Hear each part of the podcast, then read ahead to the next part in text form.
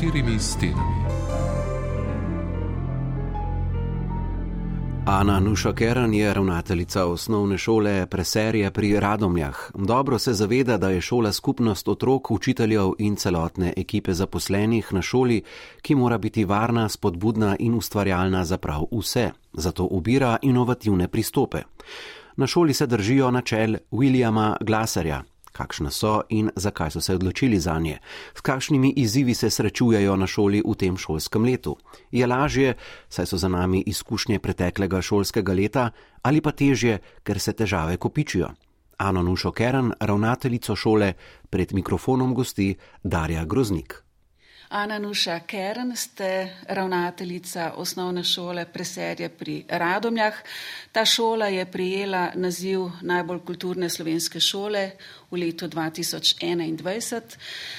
V obrazložitvi je zapisano, med učenci, delavci šole in starši vladajo enakovredni in spoštljivi odnosi. To je zapisala komisija, ki deluje v okviru javnega sklada Republike Slovenije za kulturne dejavnosti. S čim ste si zaslužili ta laskavi naziv?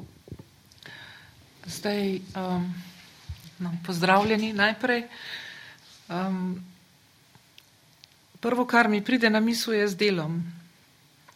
Uh, se pravi, s tem, uh, da smo tukaj in zdaj, da nam je mar za naše otroke, da se ukvarjamo s tem, uh, kaj bi lahko še, da bi bili ti otroci uspešni, da bi uh, v bistvu prepoznali, da je znanje kvaliteta, da je znanje nekaj, um, s čimer si oni lahko naredijo življenje boljše.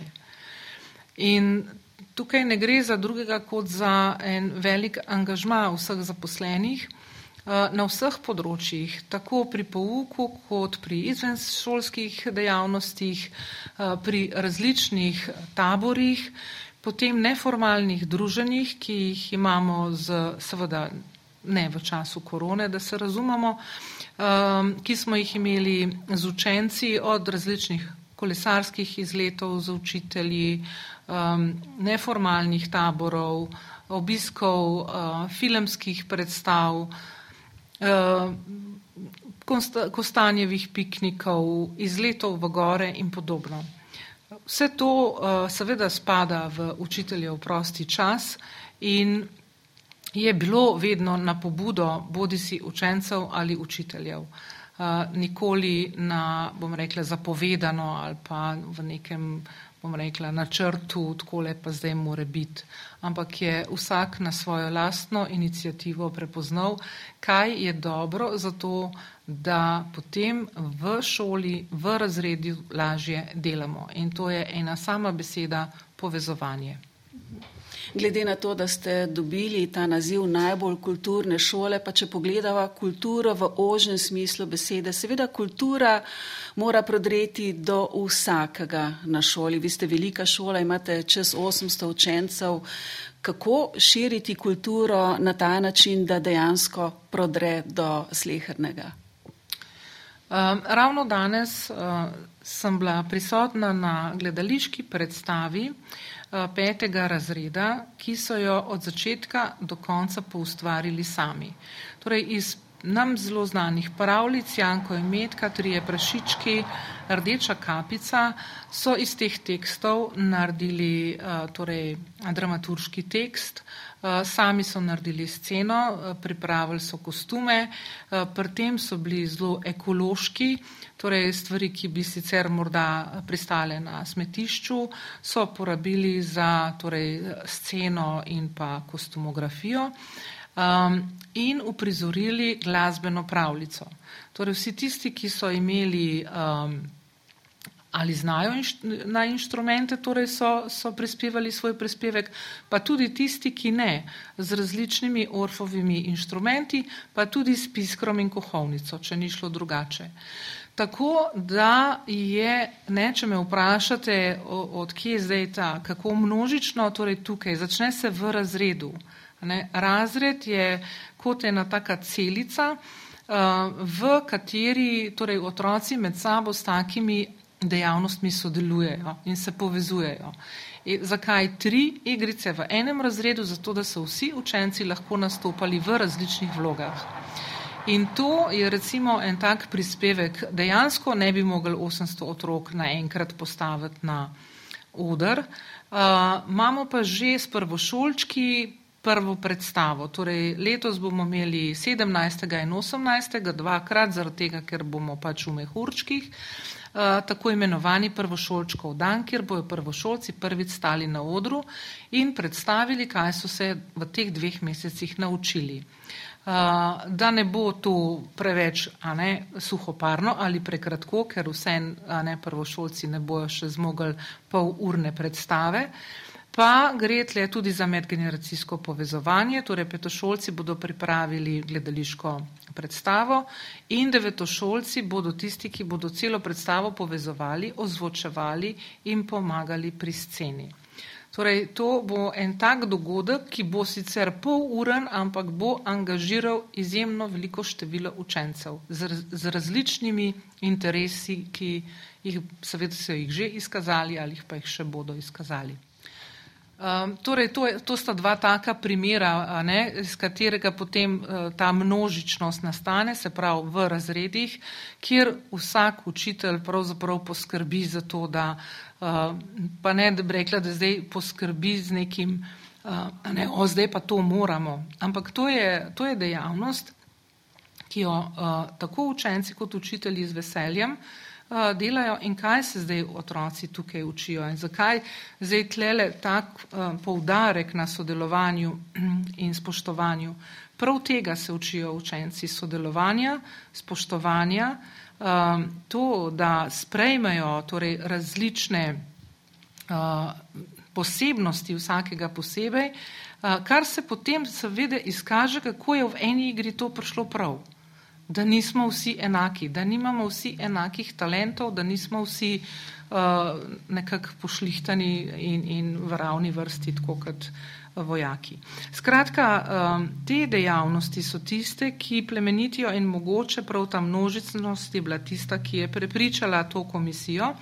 Je pa res, da smo v zadnjih dveh letih tudi po celi vertikali določene, uh, prav zato, ker smo tako veliki ne, in težko spravimo, uh, bom rekla, v, v našo to več, večnamenski prostor toliko učencev. Um, kulturni praznik, recimo preširnov dan, uh, pripravljajo učenci v, svoji, ma, v svojem matičnem razredu, kjer spet pridejo uh, na vrsto lahko vsi učenci, kjer vsak pravzaprav pokaže tisto, kjer je dober. Ali je scenograf, ali je recitator, bralec, ali je eh, torej, eh, dober eh, v, v predstavitvi neke, nekega lika.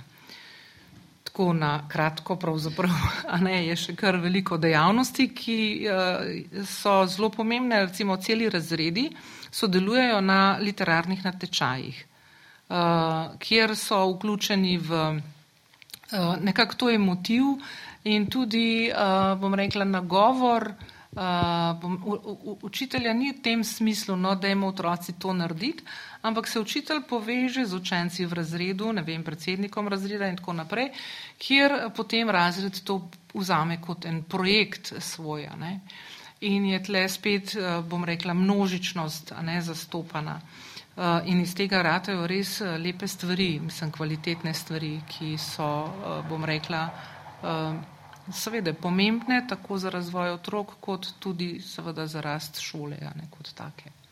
Omenili ste nekaj, kar se tudi meni osebno zdi zelo bistveno, iskati v vsakem, torej vsakem otroku, vsakem učencu dobro. Ehm, ali je to nasploh vodilo v vaši šoli? Ja, to je ena od bistvenih naših bistvenih vodil.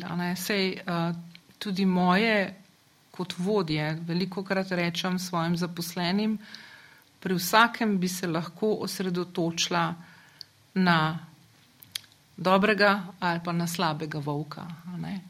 Moje vodilo je, da gojim močna področja pri svojih zaposlenih. Mislim, da morajo imeti izkušnjo, da jo lahko prenesejo v razred. Torej, poglejmo tisto, kar je močno in pri učencu, recimo, pri katerem naletimo te, na težave v smislu ne, so, na sodelovanja z njim, je moje prvo vprašanje, katera so njegova močna področja. Dajmo tam, dajmo tam spodbuditi, dajmo tam nahraniti, dajmo tam pelati. Ne osredotočimo se na uh, torej napake, na tisto, kar je minus, ker to imamo vsi. Vsi imamo minuse in pluse in pač na tisto, kar se osredotočimo, tisto raste. To bi mogoče lahko preslikali tudi na celotno družbo. Eh, Ana Nuša Keren, tale pogovor snemava, predvajan bo prvi dan jesenskih počitnic. Seveda ne moreva mimo COVID-a, COVID je še vedno tu. Začelo se je šolsko leto dokaj optimistično, čeprav z veliko strahovi, kako bo, vemo, kako je bilo lani, šolsko leto se je začelo, potem pa so se šole zaprle in potekalo je to res dolgotrajno šolanje nadaljavo. Kako bo v tem šolskem letu, za zdaj še ne moremo z gotovostjo trditi. Mislite, da je letos z lansko izkušnjo vaše delo na šoli, delo vaših zaposlenih, eh, kaj lažje, glede na izkušnje, ki jih imate? Uh, veste, zelo zanimivo leto je. Ne? Težko bi rekla, da zaradi te izkušnje, um, da je kaj lažje, zato ker je drugače, kot je bilo lani. Ni, ni čisto enako. Ne? In letos uh, se soočamo pravzaprav s posledicami uh, lanskega šolskega leta. Uh, In sicer na področju čustvenega in psihičnega zdravja otrok. Eh, človek ne bi verjel, ampak eh, v resnici torej se v tem času oziroma se zdaj kažejo, bom rekla, slabosti tega leta eh, tukaj in zdaj in imamo kar precej opravka z različnimi težavami, s katerimi prihajajo učenci in učenke Tako da uh, predvsem opažam torej primankljaj, saj pri nas, no, ker s takim številom učencev uh, na kadru svetovalni službi, uh, ki je res preobremenjen, še zlasti seveda, če imajo v svoji glavi, pomagati moram vsakmu. Ne. Slišati moram vsakega, sprejeti moram vsakega, pomagati. Uh, pa če drugega ne s tem, da pokličeš starše ali da uh, napotiš na kakšno drugo službo, ki je bolj verodostojna od nas oziroma za ta določen problem. Uh, dejansko se, se čuti tudi to, to je, to je ena taka zagata, ki jo rekla, ni samo zagata nas kar skrbi. No.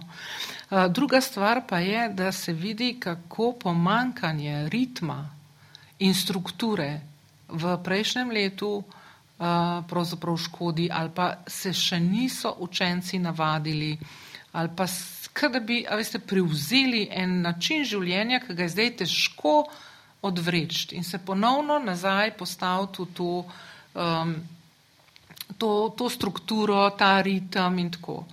In otroci so že taki, da to rabijo. Oni, oni rabijo zelo določeno in zelo redki so, ki recimo brez tega lahko, ampak uh, vse to jim da uh, način življenja. Ne? Danes gremo v šolo, zgodi se to in to in urnik in tako naprej in to je vsak dan, vsak teden in nekako postane rutina, v kateri se mi počutimo varno. Ko se to podre, ko nimaš nobenih oprijemkov, ki ni nenadoma ne tega, ne onega in ti si akter kar ne vem, celega dneva, odvisen, odvisen sam od sebe, to še odrasli nismo vedno sposobni. Kaj šeli otroci? Zagotoviti sebi eno strukturo in red. Tako da to pa je druga stvar, človek bi rekel preobilje svobode, ne, čeprav nisem glih pristaš tega termina, ampak um, v resnici, ne, uh, so otroci ali pa morajo imeti določene meje, zato da so znotraj tega lahko svobodni. Ne, to mogoče odrasli kakšni težko razumejo, ampak to, temu je tako. Tako da to sta dve taki težavi, s katerimi se trenutno soočamo in ko poslušam moje kolege, torej po enem mesecu šolanja oziroma tega tukaj smo utrujeni. Čemur ne, ne pripisujem tega toliko ne, temu delu, ampak temu celotnemu vzdušju, uh, temu strahu na nek način, a danes še bomo tukaj ali ne bomo. In potem bezlamo, ne, dajmo hiter, čim več stvari, zdaj le, dokler smo tukaj. In to te, seveda, uh, uh, bom rekla, to, to norenje, tako rekoč, ta, ta občutek, dajmo, dajmo, dajmo, da bomo, ja, ne, dokler smo tle in potem bomo, ker smo naredili plan A in plan B, uh, za primer torej tega, da smo da smo uh, nadaljavo ne, uh, in seveda se, trudimo, se trudijo realizirati plan A, dokler smo tukaj. Ne, se pravi, da imamo otrokom zdaj, smo tukaj čim več in seveda to je pač stresno, vsaj v glavi, če že ne tudi tako. Ob koncu preteklega šolskega leta so pravzaprav strokovnjaki, ki delajo na področju duševnega zdravja otrok in mladostnikov, bili enotnega mnenja, da je teh stisk veliko več kot v času, ko COVID-a ni bilo. Skratka, govorili so celo o tem, da bo epidemiji COVID-a sledila epidemija duševnih težav, stisk in tudi bolezni otrok in mladostnikov. Kaj ste vi lahko storili, ste okrepili mogoče svetovalno službo, da bi nekako sanirali vse to, kar se je dogajalo. Kaj ste pogrešali pravzaprav tudi od šolskih oblasti? Ali ste šole ostale same sebi prepuščene in ste se znašli na svoj način? Je, zdaj smo že navajeni, po mojem, na to. Um, mo, replika na, na, na uh, znanje mogoče. Uh, ja, tudi konec šolskega leta se je nam kazal No, mogoče dokler nismo dobili rezultatov nacionalnega preverjanja znanja. Ne vem zakaj ali zaradi te, um,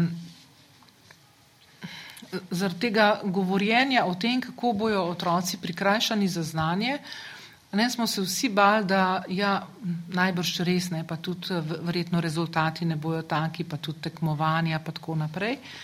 In jaz sem bila na koncu šolskega leta prijetno presenečena. Naši učenci so bili uspešni na vseh področjih znanja. In potem uh, v letošnjem šolskem letu uh, govorim s kolegi, torej druga polovica septembra, ko so prva preverjanja, ne, ko, kaj, smo, kaj smo prinesli zdaj v naslednji razred, je izjemno optimistična otroci so utrdili ne, tisto snov, za katero so učitelji presodili, da je potrebna v naslednjem razredu. Kar pomeni, oklestili so učne načrte, nekaj po priporočilih zavoda, nekaj po svoji lastni zdravi kmečki pameti in zgodilo se je, da so otroci v letošnjem šolskem letu bolje pripravljeni kot mogoče v letih pred tem. Prav zato, ker so v tem času, ko so delali nadaljavo, utrjevali ne, to snov, ki je, bom rekla, rdeča nit v uh, učnih načrtih skozi osnovno šolo. Tako da jaz tle, seveda, zdaj spet ne morem govoriti za celo Slovenijo, veste, to je pač naša šola. Nekje so imeli težave z uh, ne vem, opremiti otroke z računalniki, z, z osnovnim računalniškim, ne morem soditi o tem. Jaz zdaj govorim za svojo šolo, ker vem, da so pač na nekaterih šolah imeli tudi te težave in dejansko niso mogli, bom rekla, tako uh, uspešno prihajati v domove učencev, ne, ker točno to smo počeli, tako rekoč. Um, tako, um, Zdaj, jaz v ministrstvu sploh ne bi izgubljala besed, ker um, vidim, tako kot spremljam, nekako se znajde vsaka šola po svoje, glede na situacijo, v kateri je. Ne. Moje ne morete primerjati z neko prekmursko, neke ljubljanske, ne strbovalsko in tako, pa ne zato, ker ne bi imeli istih učnih načrtov, ampak ker smo v drugem okolju. Ne. Vsi realiziramo iste učne načrte, ampak kako, na kakšen način, uh, s kakšnimi učenci in starši, pa pač druga zgodba. Tako da um, jaz mislim, da na koncu koncev je še najmanj škode, če nas primer pustijo uh, in, in nam zaupajo. In tako sem nekako prišla do tega, da vsakič, ko dobimo kakšno reč, je napisana tako, da najprej drug drugega sprašujemo, a smo razumeli tole, a, a kaj, kaj je zdaj to. Uh, skratka, dvoumno ali celo sem pa, kaj se je zgodil, seveda s, s napakami, tako da so jih naslednji teden popravljali. In nas je pa to seveda stalo uh, dela in časa. Vaša šola deluje po načeljih Viljama Glaserja. Kakšna so to načela in kako jih implementirate v šolsko delo? Uh, eno prvih prav gotovo, da uh, je človek sam odgovoren za svoje vedenje in v bistvu kreator odnosov v tem smislu. Uh, in če hočemo, uh, bomo rekla, to ta, ta odgovornost, ne, zdaj, približno tako se počutim, da se borim z mlini na veter. Te družbene odgovornosti ne srečamo nikjer. In to pronica v družbi od vlade do najmanjšega posameznika v tej državi. In tle se bomo zdaj šli učiti neko odgovornost. Odgovornost za svoje delo, a kdo je zdaj odgovoren, da bo naredil domačo nalogo mama, a sem jaz. Ker a, namreč se srečujemo v osnovni šoli tudi s tem. Ja, nimam zvezka, ker mi ga mama ni dala v torbo. Kdo je zdaj odgovoren za to, da je ta zvezek noter? Kdo je odgovoren za mojo domačo nalogo? Kdo je odgovoren za to, da sem jaz pripravljen na določene stvari? To odgovornost želimo vrniti tja, kamor sodi, kot roku. Uh, seveda, kakšni starši to tudi težko sprejmejo, uh, ker suportirajo otroka tako dolgo in tako daleč, da je škodljivo. Seveda z dobrimi nameni, brez dvoma. Noben tak starš ne želi škodovati svojemu otroku, ampak mu pomagati. In uh, Torej, ta odgovornost je ena od stvari, seveda, ki, bom rekla, nima zdaj ta hip podpore ne v družbi, ne, ne v širši, ne v oži, pravzaprav počast, seveda, ker, kot sem rekla, ne pronica, da je vse dovoljeno in vse so drugi krivi uh, do zadnjega. Vi poskušate in se trudite, da to odgovornost ucepite v otroke. Ja, da to odgovornost učimo v bistvu, ne? Da, da dajemo izkušnje. To je edina možnost, ki jo imamo. Ne? Kaj pa empatija? No, to je pa drugo poglavje, seveda. Uh, empatija kot. Um,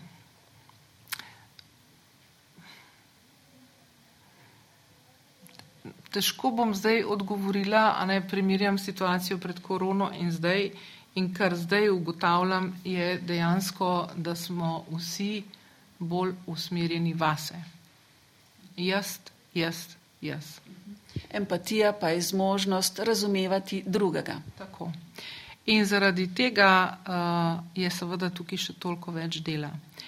Pravzaprav je najlažje z najmlajšimi, ne? Z, ker oni so uh, še uno, prvinski, oni so čuteči v tem smislu, da, da ni, nimajo še zadi nekih svojih koristi, seveda, če jih tudi starši nimajo, ne, Tle, to, da smo si na jasnem. Um, in uh, seveda bolj, ko gremo proti odraščanju, uh, bolj se pozna uh, vpliv, seveda družbeni vpliv in seveda tudi ta, ne, tako, če smo že pri, pri priznanju in ocenah, uh, tudi to, zdaj, koliko je vrednost znanja v družbi in kako ga uh, ocenimo. In seveda, ali to lahko počnem na račun nekoga drugega. Ne?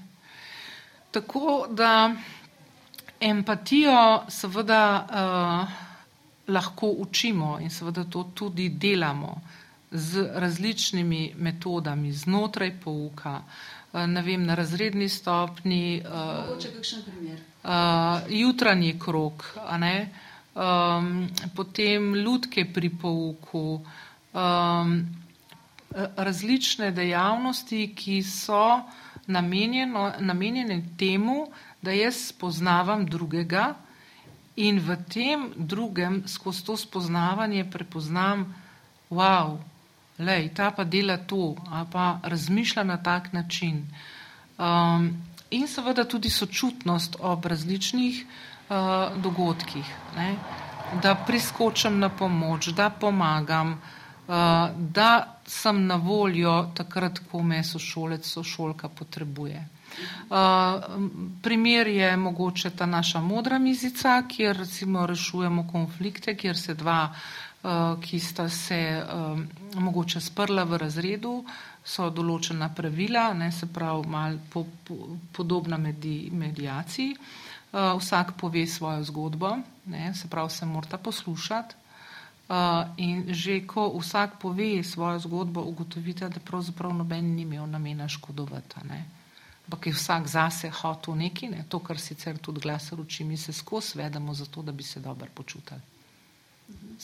Zato se vedemo, to bi radi.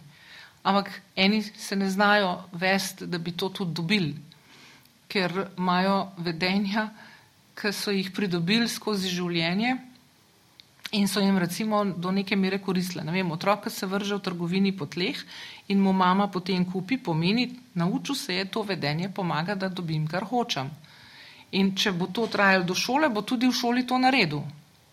To vedenje pomaga. In zdaj seveda naša naloga je, da mu povemo, žal tukaj ne pomaga, boš mogel se naučiti ali pa izbrati neko drugo vedenje. Ne? To je pač en tak banalen primer, ampak s takimi vedenji prihajajo v šolo in mi jih zdaj učimo. Lej, tole ne bo ok, uh, na voljo imaš, ne moraš mu pa dati, moraš ga učiti, on ne ve. Ne? Na voljo imaš, da prosiš, na voljo imaš, da počakaš, na voljo imaš, da ne vem, kako drugače urediš. In um, ta, uh, te, te različne uh, dejavnosti in aktivnosti, torej povezovanja in seveda vse to, kar sem prej povedala, različnih kulturnih uh, udejstvovan že od eh, prvega razreda naprej, se soočajo otroci z različnostjo. Ne? Eh, seveda je sprejemanje te različnosti iz leta v leto ugotavljam manj tolerance. No, In seveda to je problem uh, spet ne, nečesa, kar uh, pravzaprav uh, odseva iz družbe v, v, v šolo. Pozabljamo, da šola ni nek zaprt sistem izven družbenega okolja. Ne? In da to vse, kar otroci doživljajo doma, kar starši doživljajo v svojih življenjih, otroci na tak ali drugačen način prinašajo v šolo. Omenili ste prej dobro počutje. Ali dobro počutje učencev na šoli pomeni, da je šola pravzaprav zelo permisivna? No, uh, teh vprašanj uh, imam že skozi leta res veliko. Uh, ne vem, če sem kdaj s svojim odgovorom kogarkoli prepričala, ampak pri nas so še vedno uh, torej pravila, postavljanje meja in seveda določanje odgovornosti. In to je še zdaleč od permisivnosti. Torej, vs, vsak mora vedeti, da, da tukaj je tak in tak hišni red. In ga pač, če, če ga kršiš, se zgodijo neke določene posledice. Ne moreš ga kršiti v nedogled, ne moreš ga kršiti uh, kar zato, ker se tebi zdi, da ga ne bi upošteval. um, in seveda tudi znotraj posameznih razrednih skupnosti.